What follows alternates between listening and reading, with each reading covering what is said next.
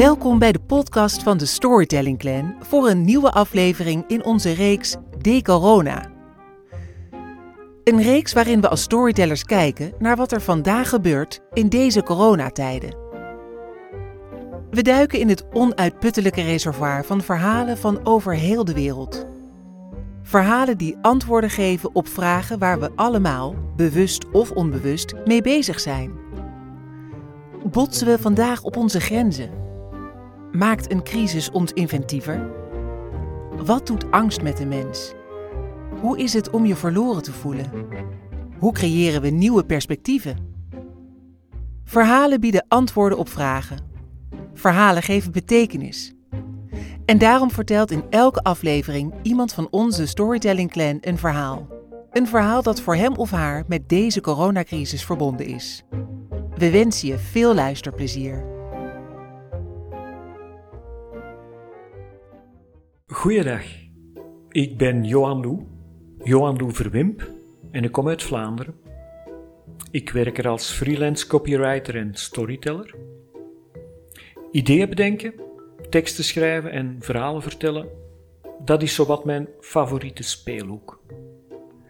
En daar hoort ook verhalen doen groeien bij, want onder die naam werk ik samen met Lisa Kopin.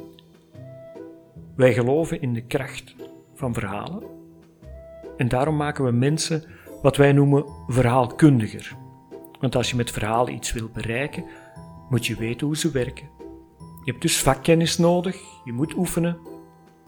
En dat leerden we allemaal bij de Storytelling Academy in Nederland. Noem verhalen doen groeien dus gerust de Vlaamse dochter van die Nederlandse academie. Wat mij zo bezighoudt in deze coronatijd. Noem het maar het niet weten. Het niet weten waar we naartoe gaan. Waar die ingrijpende verandering ons gaat brengen. Hoe wij als individu, als groep, als samenleving gaan veranderen. Ik werd getroffen door twee dingen die ik recent las. Hoe twee schrijvers totaal anders omgaan met de harde realiteit. In mijn krant las ik het dagboek van Ilya Leonard Pfeiffer. Hij woont in Genua, waar de lockdown echt wel een lockdown was. Zeg maar een quarantaine. Je mocht amper buiten om inkopen te doen. Je zat er echt opgesloten en Pfeiffer zat ook opgesloten in zijn hoofd. Als schrijver en verhalenverteller denkt hij normaal na over verhaallijnen, spanningsbogen, over compositie. Maar in die situatie zag hij geen omslagpunt. We volgen een verhaallijn zonder zicht te hebben op een catharsis, schreef hij. En zelfs nu, nu de situatie een pak vrijer is, blijft Pfeiffer somber. Hoe heel anders zijn de aantekeningen uit de gevangenis van Ahmet Altan, een Turks schrijverjournalist. Hij werd opgepakt in de nasleep van de mislukte staatsgreep in zijn land. Zijn boek is van voor corona, maar zijn situatie is een pak moeilijker. Hij weet dat hij nooit meer vrijkomt. Maar hij weet zich wel vrij te maken in zijn hoofd. Ik lees Pfeiffer en zijn angst. Ik lees hoe Altam uitzicht creëert in wat uitzichtloos blijkt. En dan vraag ik me af: wat gaan wij doen als individu? Wat gaan wij doen als samenleving? Gaan wij somber blijven ploeteren? Of gaan we ons hoofd vrijmaken en vrijelijk onze tocht voortzetten, ook al weten we niet wat het wordt? Want eigenlijk zijn wij als het Joodse volk in de woestijn, vluchtend uit Egypte. Ligt er een beloofde land aan het eind van onze tocht? En welk land maken wij er dan van? Wij zijn Odysseus, die door de storm ploegt op weg naar Ithaca.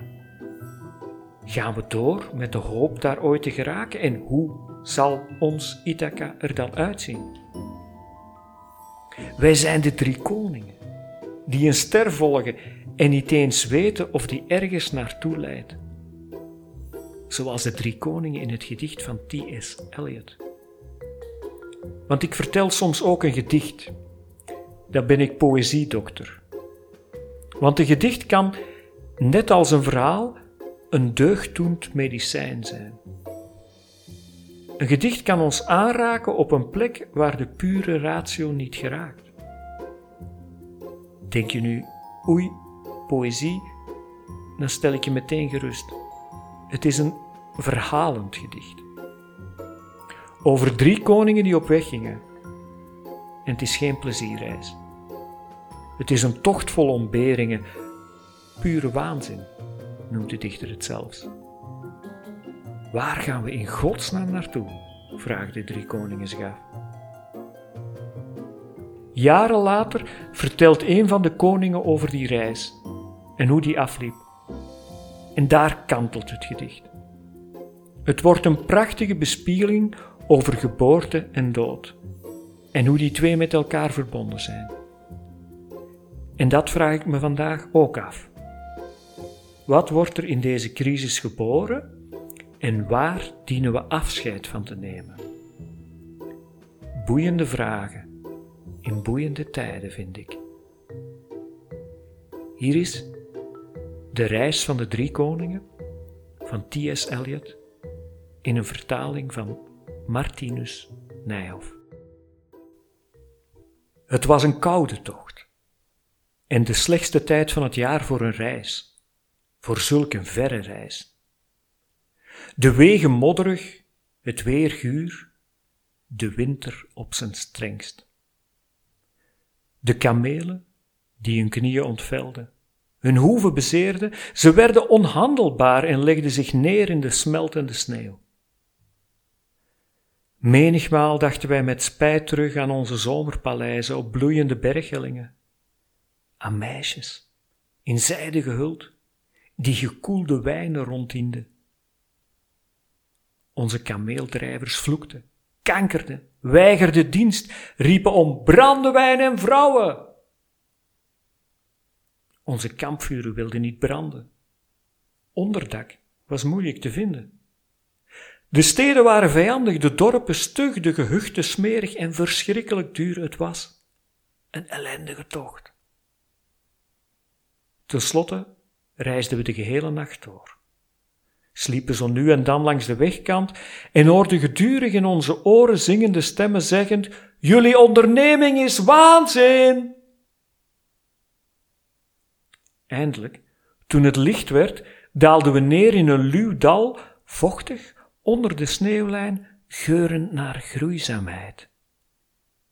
Een beek snelde voort, een watermolen karnde het duister, er waren drie bomen onder een bewolkte lucht en een oud wit paard galoppeerde door een weiland. We kwamen bij een herberg, met wijngaardranken boven de stoep. Zes handwerklieden dobbelden bij de open deur om zilverlingen en zes voetknechten schopten lege wijnzakken over de vloer. Maar niemand kon ons inlichtingen verschaffen. En dus gingen we verder. We bereikten s'avonds geen uur te vroeg de plaats van bestemming. Het was, dat mag ik wel zeggen, de moeite waard. Dit alles is lang geleden. Ik heb het onthouden en ik zou het over willen doen, maar ik stel dit vooropgesteld één vraag. Was het doel dat ons dreef geboorte of dood? We waren getuigen van een geboorte, zeker, daar is geen twijfel aan. Maar als ik vroeger geboorte of dood zag, dacht ik dat ze tegenstellingen waren. Deze geboorte echter was een onverbiddelijk einde voor ons, een dood onze dood. Wij keerden terug naar ons land, onze koninkrijken, maar voelden ons niet meer thuis. Niet meer thuis in de oude orde, tussen vreemde mensen die hun goden omklemmen. Ik zal blij zijn als ik andermaal sterf.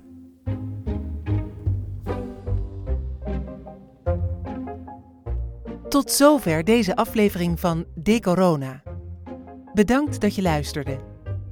Blijf veilig, blijf gezond, blijf vertellen, blijf luisteren.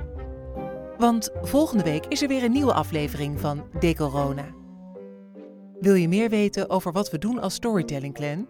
Surf dan eens naar storytellingacademy.nl.